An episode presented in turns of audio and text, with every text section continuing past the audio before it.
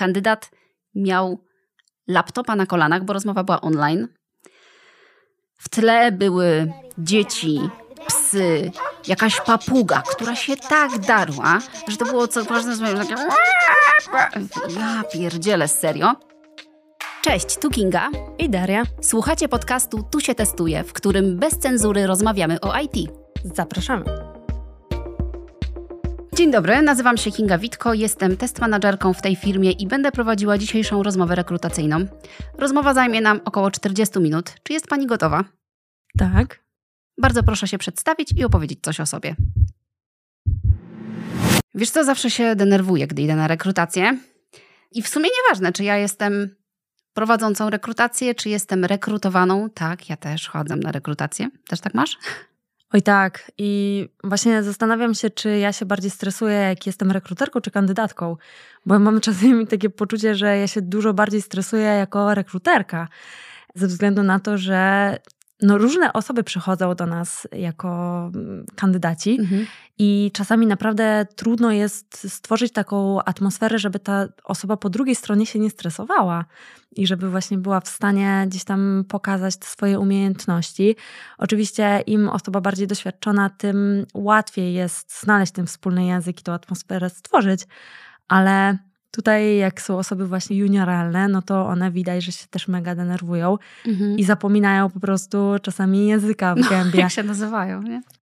Taki golden tip dla kandydatów, że umawianie rekrutacji na piątek godzina 14 albo piątek godzina 15 to jest strzelanie sobie najpierw w stopę, a potem w kolano, bo ja jak ja dostaję zaproszenie na rekrutację od y, tam działu HR, żeby przyjść jako ekspert na tą godzinę, no to no nie. No. Po prostu nie. No oczywiście, że przyjdę. I z całym szacunkiem dla kandydatów będę słuchać tych kandydatów, ale moja uważność nie będzie taka jak, nie wiem, rano, nie? W No jesteśmy dzień. ludźmi, także też tutaj mamy swoje zasoby ograniczone w No, tym przypadku. to jest taki protip na rekrutację piątki. Mm-mm. Dobrze wam radzę, nie, nie wybierajcie takiego dnia. Tak, już lepiej naprawdę z samego rana o 8, 9 zacząć właśnie od dzień od rekrutacji i na świeżo sobie porozmawiać z tymi Mhm. osobami. I tutaj ja uczulam bardzo mocno, jeżeli ktoś się umówi rzeczywiście na 8 rano i wie, że nie przyjdzie, albo nie wiem, cokolwiek mu wypadnie, to dajcie please znać dla HR-u, bo to jest mega, mega denerwujące, jak przychodzi się rzeczywiście całą ekipą potrzebną na tą rekrutację i kandydata nie ma. No, I nie ma z nim kontaktu. tak. Zaginął człowiek. No i też firmy sobie odnotowują takie osoby. To też, żeby było jasne. Może nie wszystkie, ale gdzieś tam czasami bywa tak, że jest to jakiś taki minusik. Mhm. Trochę o jakimś tam rzetelności świadczy, nie? No, to prawda. Ogólnie rekrutacje to jest ciekawe zagadnienie, bo dla każdej firmy ta rekrutacja będzie wyglądała inaczej. Ja rekrutowałam już dla kilku firm jako rekruter, jako, nie wiem, test manager czy jako tester. I mam wrażenie, że co firma to inne zwyczaje. I nieważne, jak bardzo przygotujecie się do tej rozmowy, to ta rozmowa mimo wszystko w każdej firmie może wyjść inaczej. Z tym samym poziomem wiedzy, z tym samym, nie wiem, przygotowaniem czy, czy chęcią do zrekrutowania się gdzieś, to w każdej firmie na to samo stanowisko, nawet czy tam zbliżone stanowisko, ta rekrutacja może wyglądać zupełnie inaczej. Tak, i tutaj jeszcze trochę jeden filtr mogę nałożyć, bo w mojej firmie poprzedniej rekrutacja wyglądała również inaczej dla osób, które rekrutowaliśmy bezpośrednio do firmy, a też korzystaliśmy z usług kontraktorów. Oj, no. I rekrutacja kontraktora wyglądała totalnie inaczej i była, no tak trochę po macoszemu traktowana, ale naprawdę to były dwie różne historie. Mhm.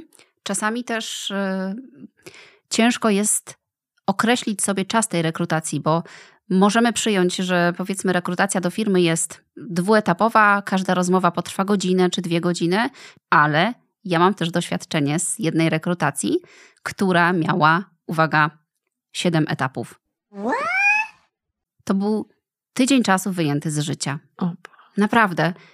Ja tego nie rozumiem. Wiem, że są różne badania na temat rekrutacji i skuteczności tego, kogo do tej firmy dobierasz. Pewnie im mniejsza firma, tym jest bardziej wymagająca i stara się mieć jakiś taki oryginalny sposób na dobranie tych ludzi, żeby oni rzeczywiście pasowali do tego małego zespołu. Mhm. No ale siedem etapów, siedem etapów po godzinie, plus przygotowanie, bo tam były jakieś, na każdym z tych etapów było do zrobienia zadanie. Miałam poczucie pod koniec tej rekrutacji naprawdę zmarnowanego tygodnia, który mogłabym przeznaczyć na coś innego, bo to było bez sensu. Czasami się śmiejemy, że za takie długie rekrutacje powinna nam ta firma płacić pieniądze po tak. prostu, bo to jest naprawdę mnóstwo czasu tak, i tak. energii tak. włożonej. To prawda. No ale takie rekrutacje chyba mają parę takich wspólnych czynników, prawda? Czyli zwykle zaczynają się od rozmowy z HR-em telefonicznej. I tak i nie. Czasami pierwszym etapem będzie Twoje wysłanie o, no. tak naprawdę jakichś wiadomości o Tobie. Bo to, to tak. może być tak, że ktoś z HR-u poszukuje pracowników i odzywa się do ciebie, czy na LinkedInie, czy tam gdziekolwiek cię znajdzie, mm-hmm. na, na, konferencji na przykład, podejdzie do ciebie i, i wie, że, że chce ciebie zatrudnić, to może być tak, że ty szukasz pracy i wysyłasz swoje CV. Możesz też korzystać z różnych portali pośredniczących przy szukaniu pracy, bo teraz chyba też jest tak, że możesz gdzieś zaploadować swoje CV i oni ewentualnie dobierają dla ciebie potencjalnych pracodawców. Mm-hmm. Możesz też sama aktywnie korzystać z usług ludzi, którzy zajmują się tylko rekrutacjami. Skontaktować się z nimi na LinkedInie, powiedzieć, jaki jest Twój profil, i oni też mają jakąś swoją bazę firm, i dzięki tej osobie możesz znaleźć pracę. Więc ja bym powiedziała, że to jest taki pierwszy etap, że ktoś to Twoje CV dostanie i w ogóle je przeczyta. To już ostatnio trochę o tym mówiłyśmy, że mm, to CV może zginąć w gąszczu innych CV. No tak. Więc tutaj no, dobra rada, żeby przygotować to CV tak, żeby ono naprawdę rzuciło się w oko. Przede wszystkim, żeby ono było pod ofertę. Ja mam taką złotą radę, którą kiedyś mi moja koleżanka Agnieszka sprzedała, żeby przeglądać sobie ogłoszenia o pracę, które są na rynku i patrzeć, jakie są wymagania w tych ogłoszeniach. I jeżeli zależy Ci na jakiejś konkretnej firmie albo na jakimś konkretnym profilu, zobaczyć, co jest w tym ogłoszeniu o pracę i douczać się rzeczy typowo pod to ogłoszenie. To znaczy, oczywiście to będzie tylko wiedza liźnięta po łebkach i to nie będzie jakiś rocket science, tak, że ty nie będziesz super ekspertem w tej dziedzinie, ale żebyś chociaż miał pojęcie o tym, o co cię zapytają na tej rekrutacji. I błagam, nie kłamcie w CV. O, nie kłamiemy. To szybko wychodzi. No, niestety. Ja podzielę się taką historią. Miałam kiedyś na rozmowie kandydata, który miał, no w CV to tam po prostu była tablica Mendelejewa. Tam było wszystko. SQL, Java, Postman, po prostu chuje moje dzikie węże. Wszystko było w tym CV. I ten człowiek y, na początku rekrutacji powiedział, że tak, no bo on się uczył, to już wracamy do słynnych tematów kursów. On ma skończony kurs, ma też zrobiony certyfikat ASTQB i trochę robił strony internetowe dla kolegów i on umie w JavaScriptie, on umie SQL, wszystko. Natomiast po pierwszych pytaniach, bo to nie jest tak, że wy sobie napiszecie coś w CV, nikt tego nie zweryfikuje, no po pierwszych pytaniach było widać, że gość nawet prostego selekta nie potrafi skonstruować, nie? Jakby zupełnie. Żadnego takiego pomysłu na to, w jaki sposób można by użyć kodu, w jaki sposób można by pracować z bazą danych, nic. Więc nie kłamcie w CV. To taka bardzo prosta porada. Tak, i to nie chodzi tylko o techniczne umiejętności, również o języki obce, Ojoj. bo to wyjdzie równie szybko. Bardzo często właśnie HR robi, no to oczywiście w zależności od firmy, ale często HR robi jeszcze przed tą techniczną rozmową takiego czeka szybkiego, czy ktoś rzeczywiście umie ten język angielski, niemiecki, co tam wpisał w CV. No i to też bardzo szybciutko wychodzi. To są osoby, które jednak no, tych rozmów już przeżyły trochę i mają też doświadczenie, potrafią wyłapać, czy ktoś tam troszeczkę no, naciągnął sobie ten level języka, czy nie. No a jeżeli firma poszukuje już kogoś, kto rzeczywiście ten angielski czy niemiecki powinien znać, no to trzeba mieć z tyłu głowy, że to nie jest widzimisię tej firmy i dodatkowa umiejętność, którą mamy po nic, tylko najprawdopodobniej firma ma projekty, które są prowadzone w tym języku i tak w pierwszy dzień swojej pracy, jeżeli nawet prześliźniecie się przez taką rekrutację, dostaniecie na twarz tym właśnie językiem w postaci czy to klientów, czy to współpracowników, czy dokumentacji napisanej w tym języku. No i wtedy jest panika. Tak, potwierdzam z mojego własnego doświadczenia. Ja do dzisiaj pamiętam mój pierwszy dzień jako właśnie już stażystka w projekcie, w którym byłyśmy razem. Mhm. Nie zapomnę tego dnia, no nigdy go po prostu nie zapomnę, jak właśnie przyszłam pierwszy dzień stażu. W ogóle nie wiedziałam, co mnie czeka totalnie nie wiedziałam. Od razu dostałam projekt, przyszłam, nie wiem, gdzieś strzelmy godzina ósma, godzina dziewiąta, miałam daily z klientem z UK. Mój angielski nie był na dobrym poziomie i pamiętam po prostu do dzisiaj, jak po prostu mnie zamurowało, jak klient mnie o coś zapytał i ja nie byłam w stanie po prostu z tego stresu i z tego wszystkiego nie byłam w stanie sklecić zdania. Także to naprawdę szybko wychodzi. Tak. Także jeżeli rekrutacja jest prowadzona po angielsku, jeżeli jest takie wymaganie, że ten angielski ma być, to on ma być. No dobra, dwa etapy mamy za sobą. Wysłaliśmy CV, CV zostało przyjęte. Pani czy pan z HR-u do nas oddzwonili, przeprowadzili test językowy, porozmawiali. Zazwyczaj też na tej pierwszej rozmowie z HR-em jest pytanie o to, ile chcesz zarabiać i jakie są Twoje w ogóle oczekiwania w stosunku do firmy. I radzę Wam już na samym początku się przygotować na takie pytanie, bo to jest ważne. I odpowiedzi typu, no ile mi zaproponujecie, to nie jest dobra odpowiedź. Strzelanie kwotą w kosmos jest ok. Może akurat firma ma dużo i będzie mogła tyle zaproponować. Najlepiej zweryfikować te kwoty w porównaniu z rynkiem. Trochę o tym mówiłyśmy ostatnio. Przejrzeć sobie raporty, zobaczyć, jakie są wynagrodzenia dla stanowisk. To jest naprawdę dostępne w internecie. Często też, coraz częściej, szczęśliwie są podawane widełki. Mhm. Jeżeli to jest Twoja pierwsza praca, no to powiedzmy, nie ma to jeszcze aż takiego dużego znaczenia. Ale jeżeli to jest Twoja kolejna praca, i chciałabyś mieć już określone wynagrodzenie, bo coś tam, no bo po to te pracę zmieniasz głównie, nie zawsze, ale jednak w większości przypadków, no to jeżeli nie zmaczuje się to Twoje oczekiwanie z tym, co firma może zaproponować, no to już na tym pierwszym etapie można powiedzieć dziękuję, tak? Thank you. Ja też przestrzegałabym przed firmami, które mówią na przykład, a o wynagrodzeniu porozmawiamy na kolejnym etapie rekrutacji. No bo no szkoda czasu, tak? Jeżeli później jest, nie wiem, siedem etapów tej rekrutacji, a wy się na ostatnim etapie dowiecie, że tego wynagrodzenia nie ma takiego, jakbyście chcieli, tylko zdecydowanie niższe, no to straciliście tydzień. Tak, bez sensu. No i jeszcze jedna ważna rzecz. Pamiętajmy o różnicy netto-brutto. Polecam tutaj netto typowo się posługiwać. A z drugiej strony też od razu należałoby się zastanowić nad formą tej umowy, bo to jest również istotne, nie tylko w kontekście wynagrodzenia, ale też całej organizacji Twojej pracy, no bo trochę inne prawa ma pracownik etatowy, znaczy nie trochę, dużo inne prawa ma pracownik etatowy, a pracownik y, czy na zleceniu, czy na kontrakcie, czy na B2B, czy jakkolwiek tę formę umowy nazwiemy, no to będzie wyglądało to inaczej. Tak, i każda firma też inaczej do tego podchodzi. Już troszkę o tym też mówiłyśmy podczas ostatniego odcinka.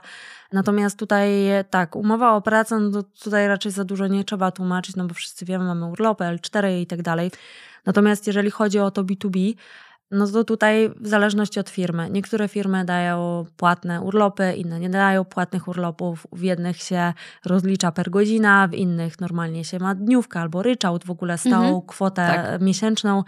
Także tutaj warto sobie przeliczyć tak po swojemu, po prostu, żeby żeby wiedzieć, o czym mówić, tak? Żeby nie dać się wkręcić gdzieś tam jakimiś kwotami, bo po prostu dana firma będzie się posługiwała inną formą kontraktu, albo właśnie inną stawką, tak? My się przygotowujemy na, na miesięczną stawkę, a oni mówią nam o godzinówce. Tak. I ja też y, polecam być asertywnym, jeżeli rozmawiacie o pieniądzach, no bo to wy jesteście potencjalnym asetem tej firmy, wartością, która was zatrudni. Oni po coś chcą was zatrudniać, jeżeli już rozmawiacie o wynagrodzeniu i jeżeli zostaliście zaproszeni na tę rozmowę, no to jest duże prawdopodobieństwo, że oni chcą was zatrudnić więc walczcie o kasę, zwłaszcza mówię to do kobiet, do dziewczyn. Walczcie o kasę, bo my niestety często kulejemy w tym zakresie. Tak, ja tutaj polecam książkę o negocjacjach Chrisa Voss. To jest w ogóle miazga dla mnie i ja po przeczytaniu otworzyłam oczy, jak w ogóle ta negocjacja wygląda, jak czasami to jest wręcz taka manipulacja, nie tak. negocjacja, tak. więc to naprawdę polecam sobie przeczytać, żeby nie dać się naciąć. Natomiast kurczę, wykonujemy tę samą pracę na tym samym stanowisku, zazwyczaj siedząc nawet przy tym samym biurku, tak, w open space i jedna osoba przykładowo zarabia dwa koła, druga zarabia cztery i tylko dlatego, że te płace są niejawne, tylko dlatego, że jedna osoba gorzej negocjowała przy zatrudnianiu, to różnice są przegigantyczne. I to nie są jakieś wymyślone historie, tylko to jest prawda, tak się dzieje. Mamy w takim razie określoną stawkę, mamy już, że tak Rozmowę powiem, z HR skończoną, tak. Po rozmowie z HR-em, co dalej? Zostajemy zaproszeni na rozmowę, bo jesteśmy genialni. Bierzcie pod uwagę to, że na rozmowę jest zapraszanych naprawdę kilka procent osób z tych, które wysłały CV. To nie jest tak, że wszyscy, którzy wyślą CV, idą na rozmowę rekrutacyjną, bo wszyscy byśmy się zakopali w rozmowach i nic by z tego nie wyszło. I tylko byśmy chodzili na rozmowę. Miałam też, byłam w takiej jednej firmie, gdzie w zasadzie tylko chodziłam na rozmowę. To była jedna wielka rekrutacja. Mój dzień składał się, nie wiem, z czterech rozmów codziennie, nie? I tak... O matko. I Jestem, od rana do nocy. jestem w stanie sobie wyobrazić ciebie na tej czwartej rozmowie. Tak. Warzywo. Tak, trochę tak. Dobra, rozmowa może być online, może być na żywo w biurze, może być dla firmy, która jest zlokalizowana w tym samym kraju lub nie. I firmy mają różne praktyki, różne doświadczenia też w rozmowach rekrutacyjnych, ale dobrą praktyką i dobrym takim doświadczeniem z różnych firm jest, że oni was zazwyczaj poinformują przed, jak ta rozmowa będzie wyglądała. Często powiedzą wam albo mailowo, albo ktoś z HR-u do was zadzwoni, że ona będzie ileś tam trwała, ile czasu trzeba sobie zaplanować. No i często ta rozmowa jest prowadzona przez jedną, dwie lub też więcej osób. Mogą to też być wymiksowane osoby, w sensie takim jedna techniczna, jedna z HR-u. Tak. Gdzieś tam czuwająca i przedstawiająca firmę.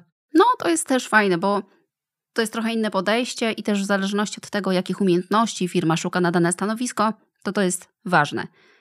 Ale zdarzają się też rekrutacje. Znam we Wrocławiu dwie takie firmy, które w ten sposób rekrutują, że rekrutuje cały zespół. Że O, zespół dobiera sobie jakby pracownika do siebie, żeby ta osoba pasowała. I jeżeli osoba reprezentuje umiejętności techniczne, które są ok, które są na takim poziomie, jak firma wymaga, to może się zdarzyć, że jest dodatkowa rozmowa w salce z całym zespołem. Siedzicie sobie i każdy z członków tego zespołu może zadawać pytania. To mogą być pytania techniczne, mogą być nietechniczne. I tam naprawdę chodzi o to, żeby zobaczyć, czy macie podobny vibe, czy do siebie pasujecie, a nie koniecznie o to, żeby sprawdzić, jakie są wasze techniczne umiejętności. I wydaje mi się, że to jest fajne, no bo ostatecznie później z tą osobą pracujesz. Tak, i właśnie ja mam takie wrażenie, że rekrutacje mają właśnie na celu sprawdzić, czy dana osoba oczywiście zna się technicznie, ale też czy wpasuje się w ramy firmy.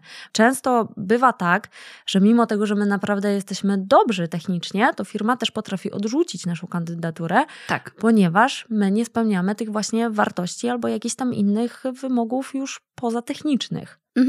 A taki off-topic jeszcze do tego, że firma może nas odrzucić. Zwracajcie uwagę na to, co publikujecie w social mediach. Bo to może nie jest oficjalna praktyka, to może nie odbywa się wszędzie, ale Daria, jak dostajesz CV kandydata, co pierwsze robisz? No, LinkedIn. Dokładnie, bierę i googlam. Tak. To nie jest tak, że ja dostaję CV czyjeś i bazuję tylko na tym CV, bo chcę wiedzieć więcej o tej osobie. Bo z CV często niewiele wynika. O CV jeszcze sobie troszeczkę powiemy na końcu. Natomiast jeżeli ktoś ma otwarty profil na Facebooku i ja mogę tam wejść i zobaczyć wszystkie jego zdjęcia, łącznie ze zdjęciami psa i swoimi zdjęciami z wakacji i nie blokuję swojego kontentu dla osób postronnych, no to dla mnie to już jest taki czerwony alert. No trochę tak, natomiast to wydaje mi się, że to też nie jest jakieś takie, nie wiem, straszne, że ktoś nie blokuje tego swojego profilu, no bo może ktoś po prostu lubi, jak się go podgląda. Lubię, jak tylko wszyscy oglądają go zdjęcia z wakacji. nie, no Na luz. przykład, no ale ten LinkedIn rzeczywiście no warto albo zostawić pusty, jeżeli nie mamy weny na to, żeby coś tam wrzucać. Tak, często też są osoby, które okryły się bardzo niechlubną chwałą w internecie poprzez swoje komentarze albo akcje, które były dokonywane online. Pamiętajcie, że nic w internecie nie ginie. Nawet jeżeli usuniecie wpis, już milion osób mogło sobie zrobić screena tego wpisu. No i niestety, jeżeli podpisaliście się z imienia i nazwiska, jeżeli wiadomo, że to wy, no to wiele firm, wiele HR-ów ma informację o tym, że coś takiego miało miejsce i możecie w ogóle nie być zapraszani na rozmowy rekrutacyjne, mimo że kompetencyjnie spełniacie warunki ogłoszenia, mimo że tak naprawdę pasowalibyście do tej firmy, ale wydarzyło się coś w przeszłości, co wpływa na to, że firma was nie chce u siebie. No dobra, jesteśmy na tej rozmowie technicznej. Patrzymy sobie głęboko w oczy, słuchamy o firmie i nagle techniczna osoba zaczyna zadawać nam pytania. Teraz ja się spotkałam w zasadzie z takimi dwoma jakby schematami prowadzenia tej rozmowy. Jeden, mój ulubiony, odpytywanie. Mhm. Definicja tego, definicja tamtego, definicja jeszcze jakiegoś innego. Po prostu dla mnie tego typu rekrutacje są mega trudne i mega ciężkie. A ta druga to jest bardziej taka forma rozmowy i wyciągania właśnie na podstawie tego, co się dzieje u nas, jak my pracujemy, informacji, co my robimy i co wiemy tak na dobrą sprawę. Jak, czy jesteśmy w stanie ponazywać technicznie te rzeczy, które wykonujemy, te czynności, które gdzieś tam z nami są na co dzień. No ale tak naprawdę rozmowa jest zarówno dla kandydata, jak i dla firmy, mhm. bo to nie jest też tak, że tylko i wyłącznie reprezentacja firmy, czyli ty czy osoba z HR-u zadaje jakieś pytania i strzela jak z karabinu, ale to jest też czas dla was, żeby dowiedzieć się czegoś o projekcie, o tym, czego tak naprawdę ta firma od ciebie chce, mhm. jakie są wymagania w tym projekcie, bo jeżeli ta rozmowa pójdzie dobrze, jeżeli kandydat się po niej czuje dobrze, firma jest ok z tym, żeby go zatrudnić, no to jest jeszcze ten czas, powiedzmy, okresu wypowiedzenia tego kandydata, gdzie można się poduczyć niektórych rzeczy. O tym warto porozmawiać i dowiedzieć się w trakcie tej rozmowy, z kim macie do czynienia. Czy ten menadżer, który was rekrutuje, to jest ta osoba, która będzie waszym przełożonym, czy nie? Bo to jest też, wydaje mi się, ważne. Tak, oczywiście. Ja pamiętam, zawsze byłam zawiedziona jako rekruterka, że te osoby, kandydaci nie zadają mi żadnych pytań.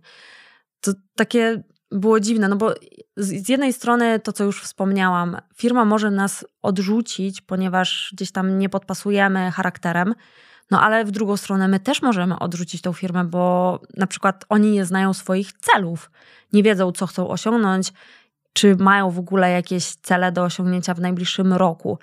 A my chcielibyśmy się rozwijać też na tym oczywiście i czerpać z tej firmy, bo tak to działa, uczyć się. I nie wiedząc tego, no to jak my mamy podjąć decyzję, czy my chcemy wsiąść do tego wozu i jechać z nimi, czy nie? Jeżeli to jest Twoja pierwsza praca i to jest Twoja szansa, to bierzesz co leci. No to tak. Ale jeżeli to jest już kolejna jakaś rozmowa w Twoim życiu, jeżeli to jest kolejny etap rozwoju zawodowego, no to wydaje mi się, że to powinna być obopólna rozmowa. Ja też mam takie doświadczenie, że kandydaci przychodzą, ja zadaję jakieś pytania, kandydaci odpowiadają i pada ode mnie w końcu już pytanie wyciągające, czy ma pan, pani jakieś pytania? I teraz, nie, już wszystko wiem. No dobra, to albo ja tyle gadałam, albo nie wiem, może... Często też kandydaci są zestresowani, później się coś przypomni, ale warto jest wejść w dialog, bo ja mam wtedy takie poczucie, że jednak rozmawiam z żywą osobą i jest mi tak lepiej po tej rozmowie.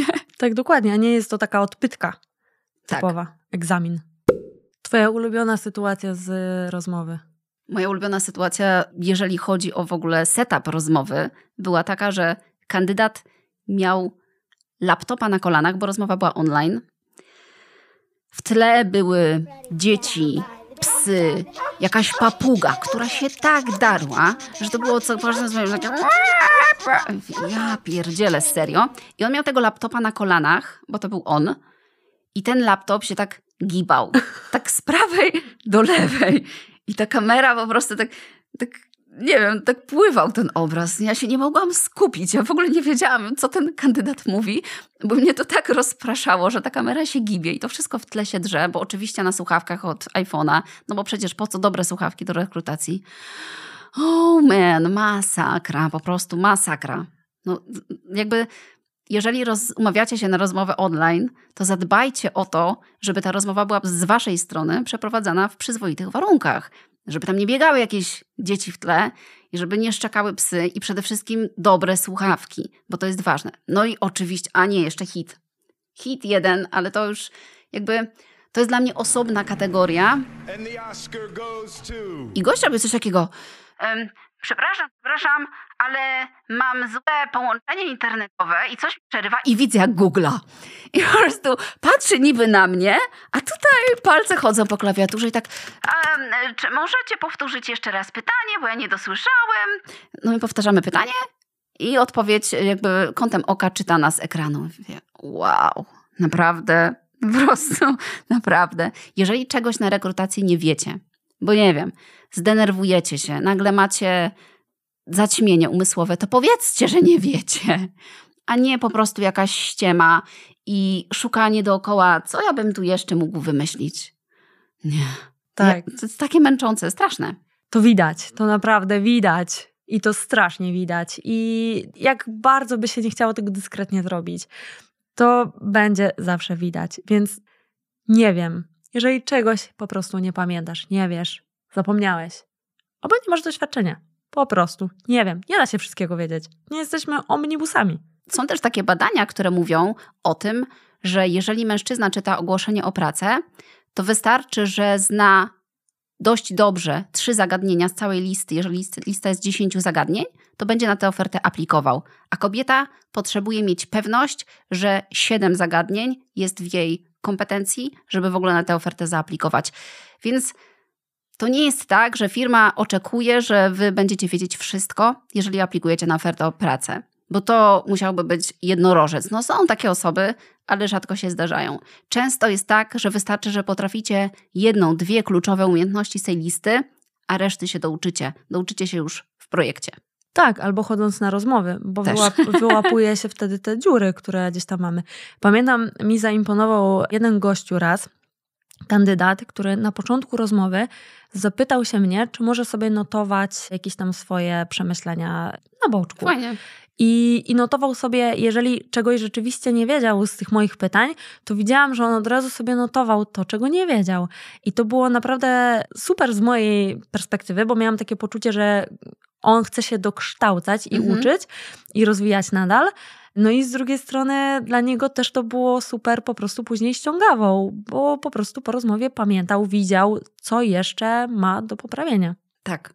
Jeżeli też idziecie na rozmowę dotyczącą testów automatycznych. Jeżeli to jest rozmowa na automatyka, no to na bank dostaniecie zadanie z kodowaniem na żywo. I nieważne, czy to jest rozmowa online, czy to jest rozmowa w salce, możecie zostać poproszeni o to, żeby, nie wiem, dostaniecie kawałek kodu na kartce, co ten kod robi, albo dostaniecie jakieś zagadnienie i macie je rozwinąć, tak? Macie wymyślić jakieś rozwiązanie dla tego zagadnienia. I to też nie jest tak, że możecie to robić na kompie. Często na rozmowach koduje się na kartce, że jest jakiś, nie wiem, no chociażby SQL-ki, tak? Jest rozpisane prosta SQL-ka, co to robi, tak? Jaki będzie wynik tego zagadnienia. Także ćwiczcie sobie w ten sposób. Myślę, że to jest istotne.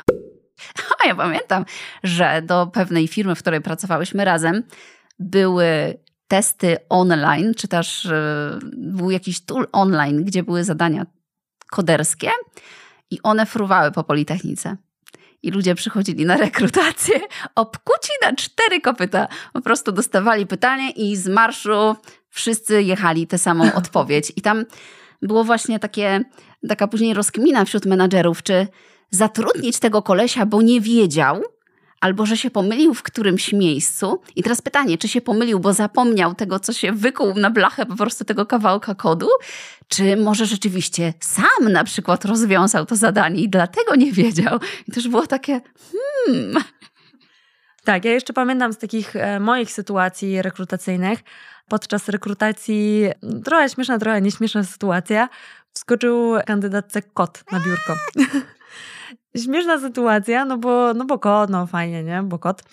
Natomiast to też może tą osobę wybić w mhm. ogóle gdzieś tam z tego transu, może się zestresować jeszcze dodatkowo niepotrzebnie.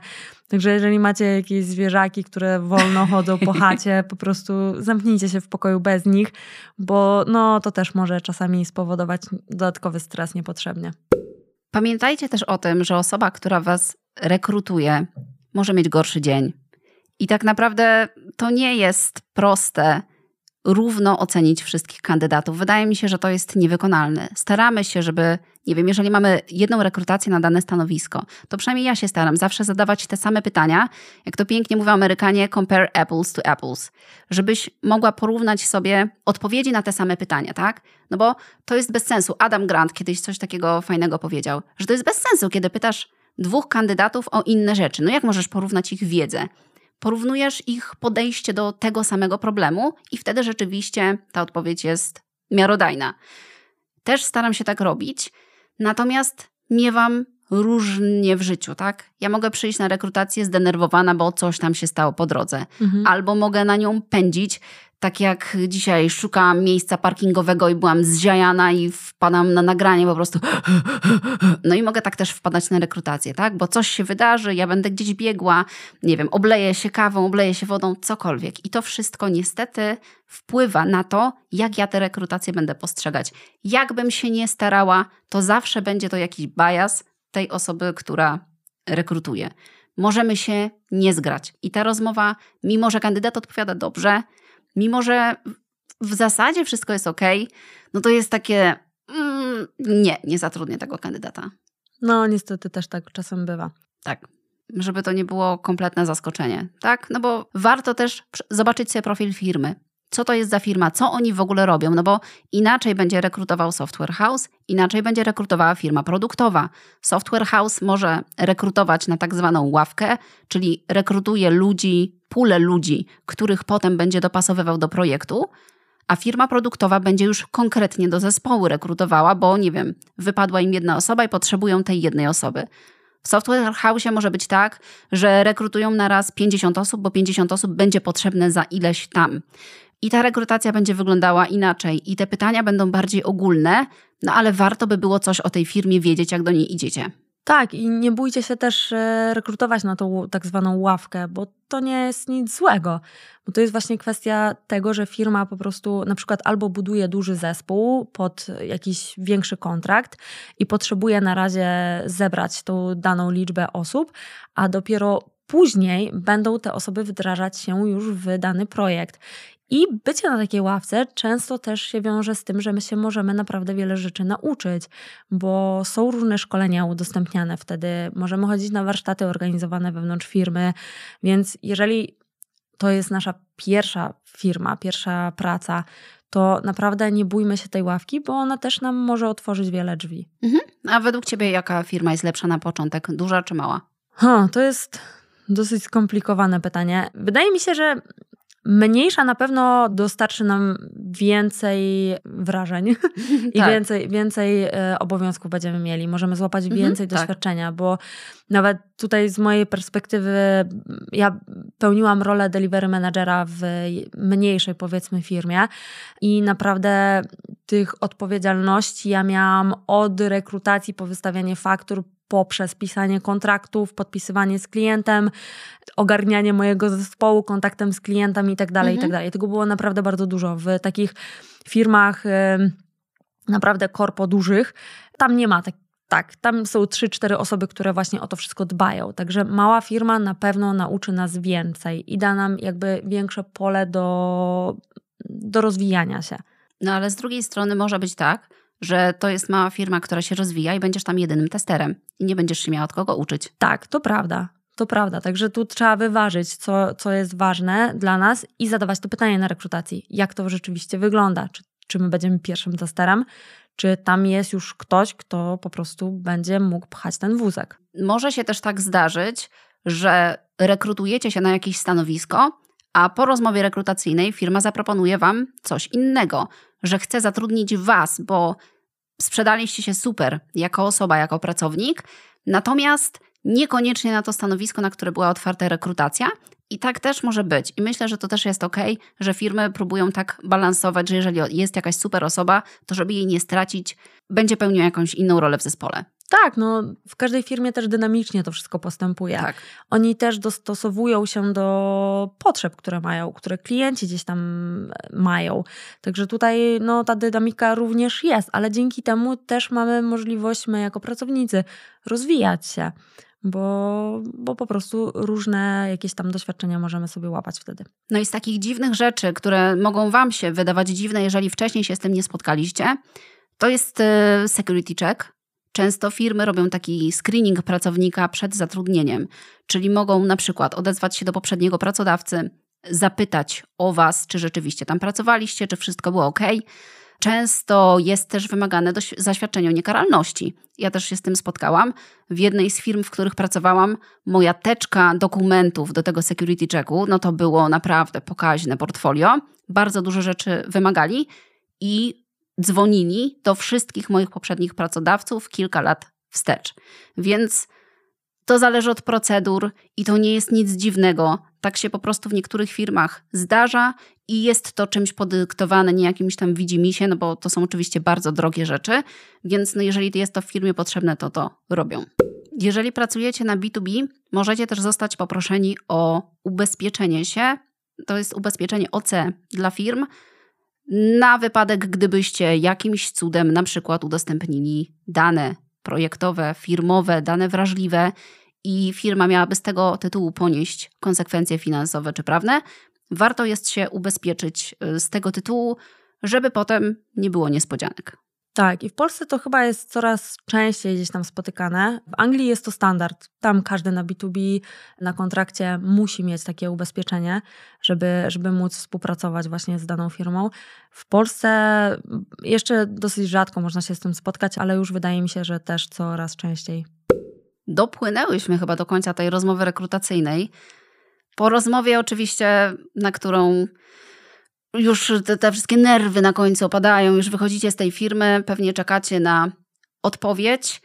Życzymy, żeby oczywiście te rozmowy przebiegały w jak najlepszej atmosferze, no ale jak już mówiłyśmy, może być różnie.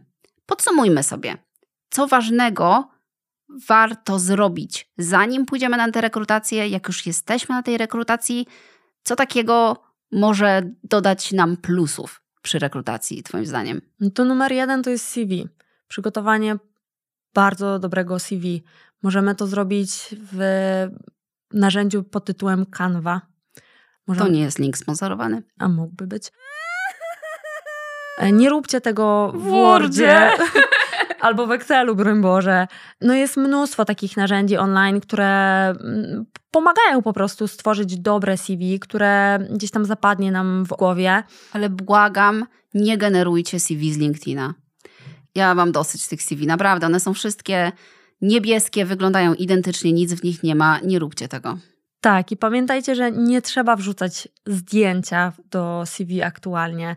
Nie trzeba umieszczać im informacji o dacie urodzenia. Dzieciach. Dzieciach, naprawdę. Adresie zamieszkania. Nie trzeba. Nie róbcie tego. I pamiętajcie albo przypominajcie sobie, które CV wysłaliście do, no. danej firmy na tak. rekrutację, ponieważ naprawdę czasami wychodzą sytuacje, że rekruter pyta o, o szczegóły z CV, a kandydat w ogóle nie pamięta, co, co tam było. No, zdarza się tak. No i jeszcze taki jest pro tip. CV Elona Muska zajmuje jedną stronę. Jeżeli nie wiecie, kim jest Elon Musk, to sobie zgooglajcie. Natomiast jeżeli jego CV zajmuje jedną stronę, to nie widzę potrzeby, żeby CV junior testera zajmowało pięć stron. No! Naprawdę. CV powinno mieć jedną stronę. Wyobraźcie sobie, że tego do przejrzenia rekruter ma bardzo dużo i troszeczkę jedzie automatem. Nawet jeżeli automat nie ocenia CV, bo często też tak się zdarza, no to rekruter po którymś CV, które ma 15 stron, a i takie się zdarzają, to już samo CV jest do odrzucenia. Już, to ja już nie czytam czegoś takiego. No mhm. No to, to jest to epopeja narodowa.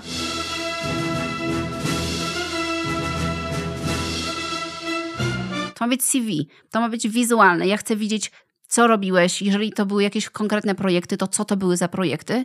I tyle. Dziękuję. Nie interesuje mnie, czy ty masz rybki, czy hobbystycznie mm, biegasz na nartach. Możesz mi to powiedzieć na rekrutacji, ale szkoda miejsca w CV na takie rzeczy. Także tutaj konkret, naprawdę konkret. No i przede wszystkim powinno być też wizualnie spójne, bo też widziałam CV, które były próbami graficznymi rodem od Picasso. Tego też nie robimy. Ono się wyróżni, no ale, ale to może nie, nie do końca o to nam chodzi. CV w IT raczej powinno być proste, spójne wizualnie, z konkretami na jednej stronie. Dziękuję bardzo, Witko. Jeżeli szukacie pracy, to poinformujcie ludzi o tym, że szukacie pracy.